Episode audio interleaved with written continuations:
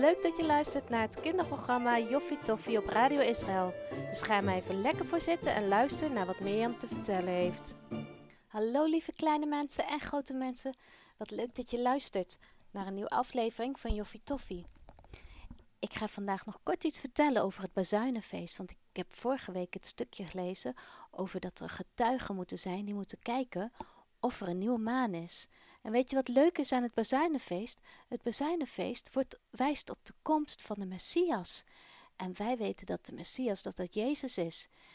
Want er staat, niemand zal de dag of het uur weten. En dat is net als bij het Bazuinenfeest. En ook staat er dat er trompetgeschal, bazuinen zullen klinken als Jezus terugkomt. Spannend hè? Denken jullie dat Jezus alweer snel terug zal komen? Wat een mooie, fantastische dag zal dat zijn. Het verhaal waar ik nu over ga beginnen gaat over de grote verzoendag. Ik ga er een kort bijbelstukje over lezen en dan gaan we snel lezen. Het bijbelvers wat we gaan lezen staat in Leviticus 16 vers 30. Want op deze dag wordt voor u verzoening gedaan om u te reinigen van al uw zonden. Wordt u voor het aangezicht van de Heere gereinigd. Nou, ik zal volgende week wat meer vertellen over Grote Verzoendag, maar nu beginnen we snel aan het verhaal van Malik. Het is al bijna donker. Malik loopt gehaast door de lange straat, waar de markt altijd gehouden wordt. Hij heeft nog snel wat boodschappen gedaan voor het avondeten. Vlug naar huis nu, voordat het echt donker is. Het is niet fijn om in Nineveh in het donker nog op straat te zijn. Het lijkt wel of het allemaal maar enger wordt. Hij hoort steeds va vaker verhalen over mensen die beroofd worden op straat. Echt leuk om naar huis te gaan, vindt hij het niet. Maar hij is er tenminste veilig voor wat er in het donker op straat gebeurt. Als hij thuiskomt en de deur openduwt, hoort hij het al. Ze maken weer ruzie. Zijn vader en zijn moeder maken elke dag ruzie. Een vriendelijk woord is er echt niet bij. Malik weet dat hij zich nu heel rustig moet houden. Zo onopvallend mogelijk sluipt hij naar de keuken. Hij legt het brood en de groenten neer en haalt een kan met water. Hij zal maar vast met het eten beginnen. Zijn moeder heeft meestal niet zoveel zin om het eten klaar te maken. Terwijl hij in de keuken aan het werk is, hoort hij dat zijn vader en moeder nog steeds ruzie maken. Moedeloos gaat Malik zitten. Moet hij zo leven? Elke dag is hij weer bang voor de ruzies die gaan komen. Zijn vader en moeder kijken eigenlijk niet eens naar hem om. Ze snauwen alleen maar tegen hem. Dat hij iets moet gaan kopen op de markt, of dat hij in huis iets moet schoonmaken of opruimen. En alles wat hij doet, vinden ze niet goed genoeg.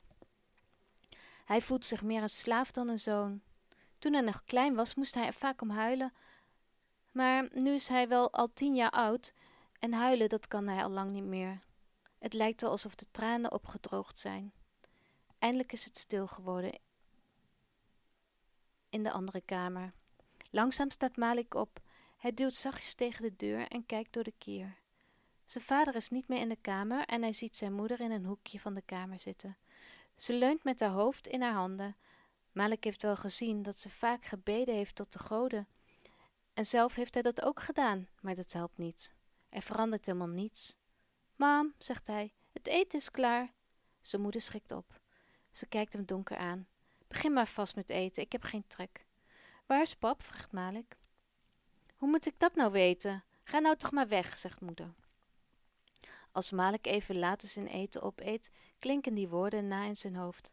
Ga nou toch maar weg, ga nou toch maar weg, dat is het, roept hij. Malik krijgt ineens haast. Hij gaat op zoek naar een grote tas en hij stopt wat kleren, stopt er wat kleren in en een extra paar sandalen. Hij zoekt in het hoekje onder zijn slaapplaats. Daar ligt een klein zakje met munten, die heeft hij in de afgelopen jaren gespaard. In de keuken gaat hij op zoek naar wat eten en een drinkzak om water in te doen. Hij zet de grote tas in, de hoek in de kamer. Het is inmiddels al donker geworden en Malik gaat met zijn kleren nog aan op bed liggen. Als de zon in de morgen weer opkomt, wil hij direct op reis gaan. Ga nou toch weg, ga nou toch weg, zingt het door zijn hoofd. Er is nog één probleem. Zal hij tegen zijn ouders zeggen dat hij weggaat, of zal hij stilletjes vandoor gaan? Hij hoort nog dat zijn vader binnenkomt met veel gestommel en gemopper. Hij vast weer veel te veel gedronken.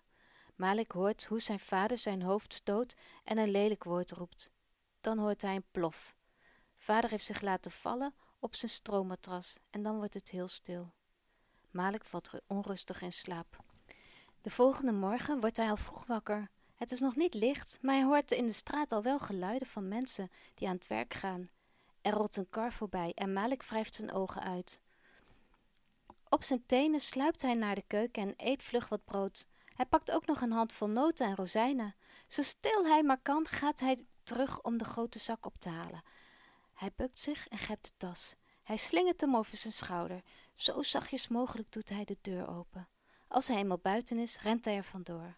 Hij kent de weg door de straten van Nineveh op zijn duimpje. Hij kijkt niet één keer om. Hij maakt hem niets uit. Hij wil nog maar één ding en dat is zo snel mogelijk uit Nineveh wegkomen. Malik weet wel dat Nineveh een grote stad is.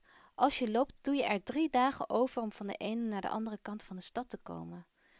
Gelukkig is het huis van zijn vader en moeder niet zo ver bij de dikke stadsmuren vandaan. Hij rent regelrecht naar de grote poort. Als hij dicht bij de poort gekomen is, gaat hij weer lopen. Hij hijgt van het harde rennen en wacht even een paar minuten om op adem te komen. Hij moet zo onopvallend mogelijk de poort uit zien te komen. Als de wachters bij de poort zien dat hij zo hard rent, zullen ze argwaan krijgen. En dan kunnen ze hem naar zijn vader en moeder terugbrengen en dat wil Malik echt niet. Even later fluit hij een vrolijk deuntje en kijkt omhoog naar de strak blauwe lucht. Hij wandelt rustig door de poort en groet de wachters vrolijk. Als hij een stukje doorgelopen heeft, kijkt hij voorzichtig achterom.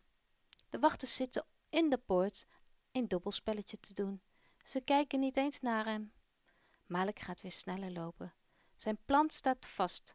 Hij wil op zoek gaan naar een handelaars, uh, een handelkaravaan. Het maakt hem niet uit waar ze heen gaan, als het maar bij Nineveh vandaan is. Diezelfde dag kan Malik mee met een karavaan. Hij moet hard werken, maar Malik is een flinke jongen. De leider van de karavaan heet Lot. En hij geeft Malik allerlei klusjes te doen. Malik kijkt ook steeds vol verbazing naar die grote dromedarissen. Wat zijn ze sterk! Op hun rug zitten zware vrachten vastgebonden, allerlei spullen die in een ander land weer verkocht kunnen worden. Het is een lange, stoffige reis. Toch verlangt Malik niet één keer terug naar zijn huis in Nineveh. Na een lange reis komt de karavaan door Javo. Daar is een haven waar allerlei schepen liggen. Lot geeft de opdracht om de dromedaris daar uit te laten rusten. Ze mogen drinken en hun vracht wordt van hun rug gehaald. Straks komen er kapiteins van verschillende schepen. Misschien kunnen we wat spullen aan hen verkopen, vertelt Lot. Er komt een plannetje in Malik's hoofd. Hij durfde niet zo goed aan Lot te vragen, maar na een poosje stapt hij toch op de man af. Nou, dat is wel een beetje een verdrietig verhaal, hè? Wat zou Malik van plannetje in zijn hoofd hebben? Ik ben heel erg benieuwd. Luisteren jullie volgende week ook allemaal weer? Tot dan! Dit was Joffie Toffie, het kinderprogramma van Radio Israël. Wil je nog graag iets kwijt? Stuur ons dan gerust een berichtje op joffietoffie.radioisrael.nl De presentatie was in handen van Mirjam en we vonden het joffie tof dat je luisterde en hopen dat je er volgende keer weer bij bent.